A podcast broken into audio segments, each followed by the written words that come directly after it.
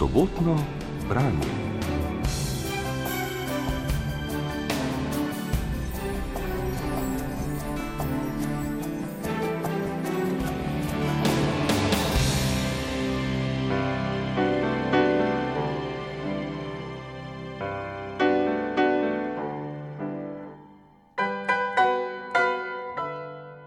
Tako je videti filmska diva.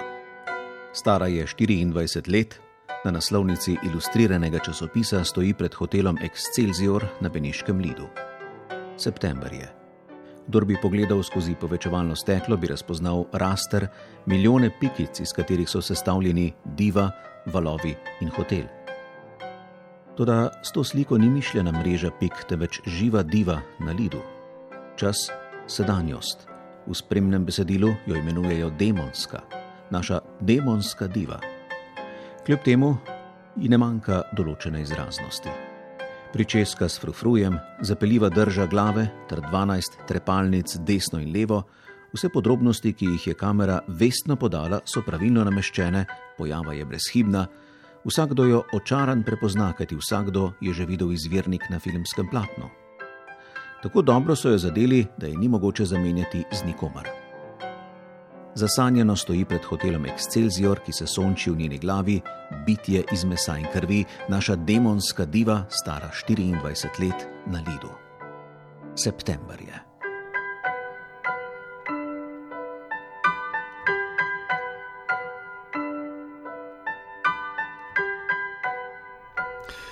Takole sočno na začetku enega svojih esejev, ki so pod naslovom Ornament množice pred nedavnimi šli pri založbi CF, Siegfried Krakauer popisuje zapeljivost fotografske podobe. Takole popisuje, kako fotografija med drugim pomaga iz ženskega obraza narediti prodajni artikel, iz osebe, ki se skriva za tem obrazom, pa zvezdnico množične kulture, ki je povsem sodeč nekaj več, nekaj boljšega od vseh nas drugih navadnih smrtnikov. No, pa saj vemo, kako to gre, kaj ne, to je vendarle naša današnja izkušnja. A kot pojasnjuje Anja Naglič, germanistka in sociologinja kulture, ki je že pred leti prevedla dve drugi avtorjevi knjigi, uslužbence in filmsko čitanko, zdaj pa jima je dodala še ornament množice, Krakauer svojega besedila ni napisal včeraj, mož pravzaprav sploh ni naš sodobnik.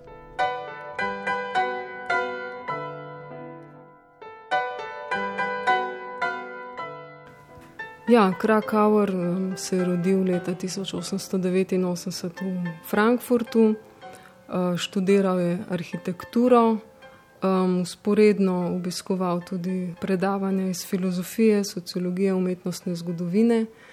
Um, po krajšem uh, obdobju službovanja kot arhitekt je začel pisati članke za Frankfurter Zeitung. Um, pokrivajo področje kulture, predvsem pa področje filma. Um, leta 30 se je potem iz Frankfurta preselil v Berlin, ob prihodu nacistov na oblast pa kot uh, jud uh, zbežal v Pariz, tam ostal do leta 1941, ko je postalo tudi v Franciji prenevarno in z ženo emigriral v ZDA, um, se naselil v New Yorku in tam ostal do svoje smrti leta 1966. Um, šteje se ga nekako za sopotnika frankfurtske šole. Bil je tesen prijatelj Adorna, Leventala, tudi z Benjaminom, Blohom uh, je prijateljeval.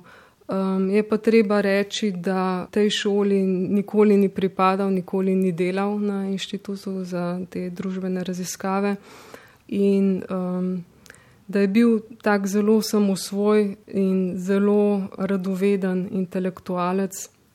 Če bi se rodil neki stoletji prej, um, bi verjetno bil polihistor, no, v 20. stoletju pa to ni bilo več mogoče. Ja, um, zanimalo ga je pa res ogromno stvari. Filozofija, sociologija, film. Tu je postil največji pečat kot nekak začetnik filmske teorije in eden najpomembnejših uh, filmskih kritikov tistega časa v Weimarski republiki. Seveda ga je zanimala tudi arhitektura, literatura, tudi sam je napisal dva romana. Zigfrid Krakauer je bil, kot vse kaže, mož tisočerih zanimanj in številnih darov, nekakšen uomo univerzale skratka. To se ne nazadnje lepo odraža tudi v esejih zbranih v ornamentu množice. Ja, v tej knjigi so zbrani eseji, ki so nastali med letoma 1920 in 1931. Je pa sicer te eseje zbral za to publikacijo dve, tri leta pred smrtjo šele. Um, skratka, pokrivajo to obdobje Weimarske republike, v njih se je pa loteval spet najrazličnejših tem, od filozofije, recimo posvetil je en dolg esej Georgu Zimnu, ki je bil njegov profesor v tistem obdobju berlinskega študija, pa um, Walterju Benjaminu je en esej namenil, Francu Kafki, s katerim se je ukvarjal v več člankih in je že zelo zgodaj pač eh, prepoznal, da gre za izjemnega pisca, še veliko preden je Kafka kot tak tudi um, res obveljal. Uh, potem je recimo na, po svetu NSA fotografiji, pa um, štirje eseji so z področja filma.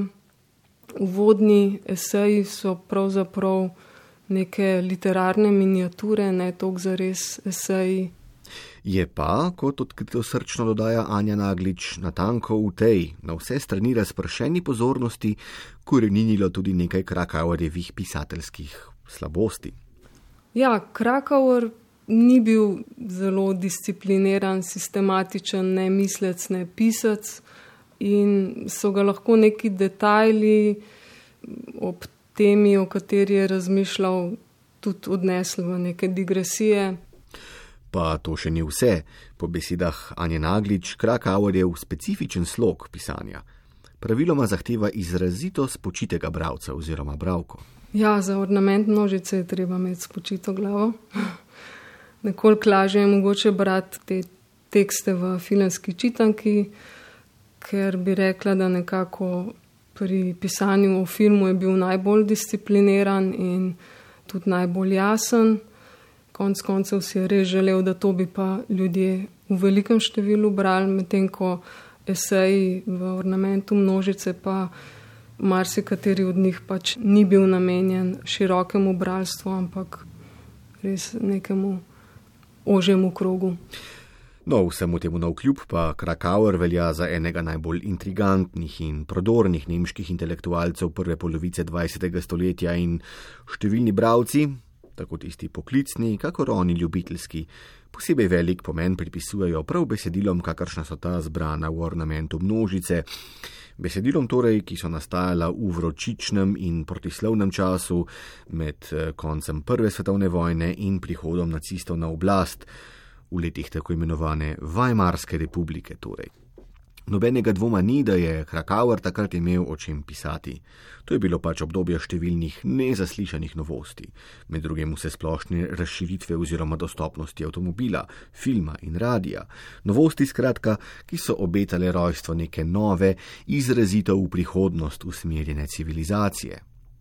No, po drugi plati pa je nad nemško družbo 20. let 20. stoletja vse skozi ležala tudi težka travma poraza v prvi svetovni vojni, ki ni le utrnila milijonov mladih življenj, ampak tudi zlomila nemško gospodarstvo in odnesla nemški kolonialni imperij, iz česar se je, kot vemo, potem napajala skrajna rasistična desnica zbrana okoli Hitlerja in njegovih odioznih kameradov.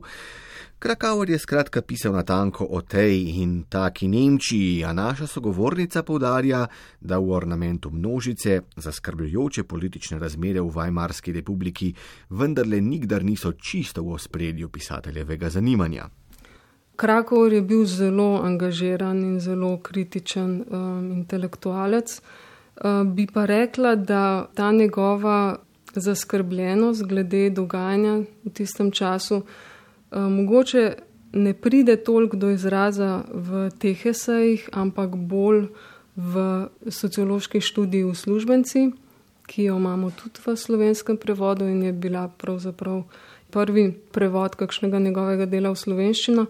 In pa v izboru filmu posvečenih člankov, uh, zbranih v filmski čitanki, ki je pa išla pred petimi leti. Za razliko od teh dveh knjig je v ornamentu množice nasprotno, levi delež Krakauerjeve pozornosti namenjen analizi tedanje množične kulture. Analizi, ki je bila, kot smo lahko opazili tudi ob odlomku iz eseja o fotografiji, ki smo ga slišali ob začetku oddaje, tako lucidna, pronicljiva in daljnosežna, da se pogosto zdi, kakor bi res bila napisana danes ali največ včeraj. Še več, Krakauerjevo pisanje je videti nenavadno sodobno tudi zato, ker s svojimi sodobniki ni delil znanih in nekoliko dolgočasnih predsotkov o a priorni manjvrednosti izdelkov popularne kulture oziroma načelni večvrednosti visoke meščanske umetnosti. Prav nasprotno, Krakauer je bil prepričan, da kulturno-umetnostni izdelki in mediji, ki uživajo resnično množično priljubljenost, lahko prav tako dobro, kakor umetnine za bolj izbran, rafiniran okus, na vse zadnje razkrijajo najglobljo resnico dobe in družbe, sredi katere nastajajo. Anja Naglič. Ja, sigurno, lahko bi rekli pač, da sodi k nekim neformalnim začetnikom ali kulturologije ali tudi sociologije kulture. Um, on vsekakor uh, ni imel predsotkov do pojavov množične kulture, je pisal tudi o, o cirkusu, recimo o varjetejih, predvsem pa seveda o filmu. In um, v vseh teh pojavih je pač razbiral in jih analiziral na tak način, da je lahko neki, neke zaključke tudi o družbeni realnosti, o družbeno-političnem stanju takratnega časa povedal. Dobro, Krakauer je bil očitno sila luciden pisec, ampak ali je to že dovoljšen razlog, da bi posegli po ornamentu množice? Zakaj si v množici novih, svežih in intrigantnih knjig, ki jih imamo danes sicer na voljo, vendarle velja vzeti čas prav za Krakauerjeve eseje? Naša sogovornica je razmišljala takole.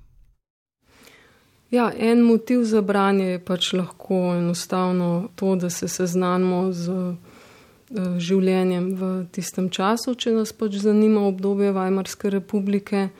Um, drugi motiv je pa tudi to, da ob branju lahko ugotovimo, da marsikaj, za kar bi si mogoče predstavljali, da je nek zelo sodoben pojav, um, se pač izkaže, da je to obstajalo in bilo na podoben način prisotno že tudi pred stoletji.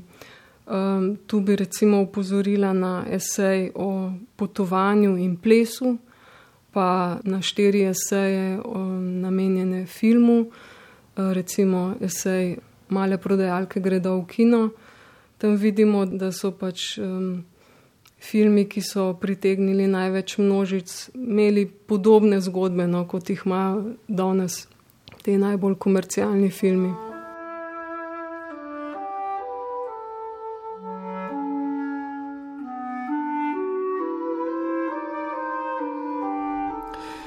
Kako že pravi svetopisemski pridigar, kar je bilo, bo spet. Kar se je zgodilo, se bo spet zgodilo nič ni novega pod soncem. In ob branju Krakauljevih esejev zbranih v ornamentu množice, očitno lahko ugotovimo, da ta modrost velja tudi za naš filmski okus. Upati pa je vendarle, da se vsaj kaj drugega iz vajmarskih let le ne bo ponovilo v naši sedanjosti.